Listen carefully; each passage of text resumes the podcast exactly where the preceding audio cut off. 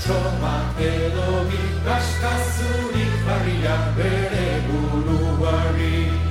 Usoik ez pilotatzen bizi moduari, eskala brua frango gertatu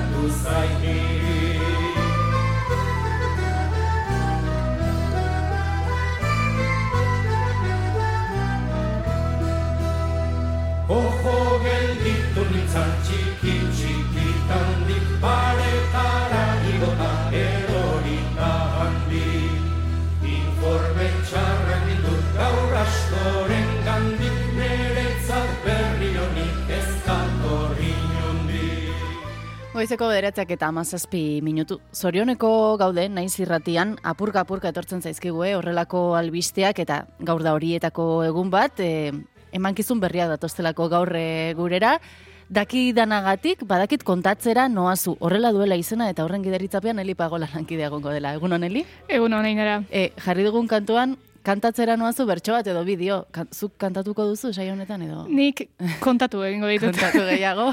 bai, izenari justizia pixka bat egingo diogu, ze askotan esango dugu, eh? kantatzera noazu izango dela, baina ez kontatzera noazu izango da. Ba, lehendik kantatuak kontatu egingo ditugulako batez ere. Eta bertsoa izango da, ez? Osagai nagusia? Bai, bertsoa izango du arlatz eta bertsoaren bueltan saiatuko gara, ba, gonbidatu bereziak ekartzen, gaiak ere beste ikuspuntu batzuetatik lantzen, baina esan dakoa, bertsoak, bertsoaldiak, bertso jarriak, bapatekoak, idatziak, izango ditugu. Bueno, zurezat ez da oso arrotza, ez? Bertso mundua. Ez, etxeko kontuak. Esperitzi luzea baduzu horretan zuk ere? Bai, bai, eta eta egia da batzuetan kosta egiten zaigula, ba, badugula, esperientzia badugu, baino aritzetik. Eta horrelako saio bat egiterakoan, ba, bila ibili eta zerra ekarri eta... garra, ez? Bai, patxada, eta horrelakoetan konturatzen zarela askotan, eta polita da, eh? Ba, memorian badituzula bertsoaldi batzuk, eta horiek bila, horien bila ibiltzeak, eta horiek berrez entzun, eta batek bestetik tira, eta ari erreferentzia eginda, ba, gauza gehiago deskubritzen direla, beste Hori da, horre, ikuspuntu batetik ikusteko aukera ematen duela, eta hori da, eta horren bila topatuko dituzulako, ez? Bestelako harri bitxi batzuk ere, bai? bai, eta ja topatu ditut batzuk, eh? Bai, eh? Bila arituta, neronek ere nekizkien kontu xelebre batzuk aurkitu ditut, beraz, hoiek kontatzera gatoz. Bueno, konta iguzu, konta iguzu apurua nola izango den eh, saioa, esan duzu gonbidatuak izango dituzula?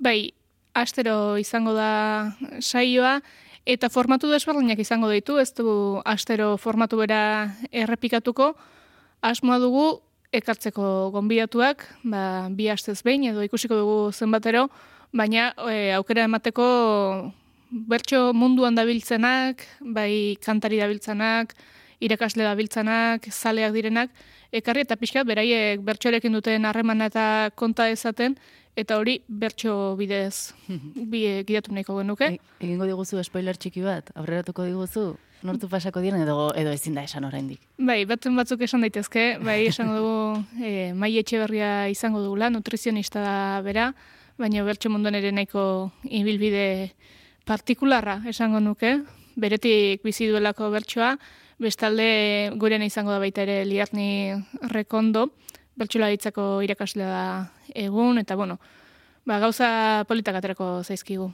Eta hori egingo dute, bertsoarekin duten eh, bueno, harremana edo hori adirazi edo zerbait gehiago egingo dute. Ba, bere nahi duten guztia egingo dute, eh? Pixka bate izango da kontatzea ba, nola bizi dituzten, nola oroitzen dituzten bertsoaldiak ere, e, bertso munduan ekimen ugari daude, adibidez maik eh, gogora ekarri zituen udalekoak, bertso udalekoak, eta han bizitako guzti horiek, eta polita da nola bertso, hainbeste bertso udaleku egin, eta hango bizipen guztiak pilatzeko, eskatzen dio zuenean bertsoaldi bat aukeratzea, ba zer, zergatik eta nola azaltzen duen. Esan duzu baita ere, e, fonoteka estiloko bat ere izango duela, ez, saioak? Bai, e, gaiak lantzen saiatuko gara, Azkenean, bueno, hementxe iriki ditut eta badago bertsolaritzari buruzko datu base bat eta bertan, eta jakinda ez daudela guztiak, baina ia mar mila bat bateko saio badaude. Bueno. Ez ditugu danak ekarreko, baina esan edo. Lan ederra badakazu, horiek entzuten, erdiak bada ere, eh? Hori da, baina bueno, esan edo date base handixe mar bat da- badagoela eta beti berriak entzun beharrean, ba, bueno, batzuetan Mhm. Hain zarrak ere ez direnak, baina ekarreko ditugula, eta horiek entzutetik, eta horiek beste nunbaitetik irakurtzetik, ba, egingo dugula bidea. Aritu zera, e, berez, dagoeneko lan horretan e, entzun Bai. dituzu, badakazu horrela, bereziki ez dakit ikutu zaitun baten bat, edo... Bueno, e, batzuk pena izan dut e, irratia garela, ze batzuk badaude irudiak ere... Irudiak, merezi dura ikusteak, ezta? Bai, momentuan batzutan gertatzen da saiotan da, bueno, egingo dugu, eta bat batekotik eta egiten duzu, baina gero irudiak ikusi eta zein da bilen mozorrotuta, ze, ze modutan e, egiten dituzten ba, bertsoaldiak eta momentuko jarrera hori, eta, eta horiek kurioso da ikustea bera, gero entzun da ez duena funtzionatzen, baina Hori esan duzun erako, badakazu irudiren bat buruan. bai. konta iguzu, konta iguzu. Ba, batzuk behi ez mozorrotuta Ene. atera ziren, bai, bai. Edo beste batzuk e, Sevilena paperean sartuta ira bat, eta oraindik ez dut pentsatu oso ongi, baina horiekin ere zuz egingo dugu, eh? ez da angeratu behintzat. Bueno, kontatzera noazu, eh, esan dugu, saio berria naiz irratian, asterokoa izango dela noiz izango dugu entzuteko aukera? Larun bat eguerletan, hiruak aldera izango gara. Eta ordu bete inguruko saioa izango Bai, da? ordu bete irango du, eh? asmo hori da. Gehiago luzatu gintezke, baina uste dut, astez astekoari eutxiko badiago hobedugula ordu bete horretan geratzea. Horri, neurri, neurrian pilulatxori eskeniko diguzula, elipagolaren eskoetan esan dugun bezala, astero le, larun batetan bertsoen inguruan hitz egiteko aukera eta entzuteko aukera ere, bai, Eli eskerrik asko, Zuei, ondo joan da dia. bai, eskerrik asko.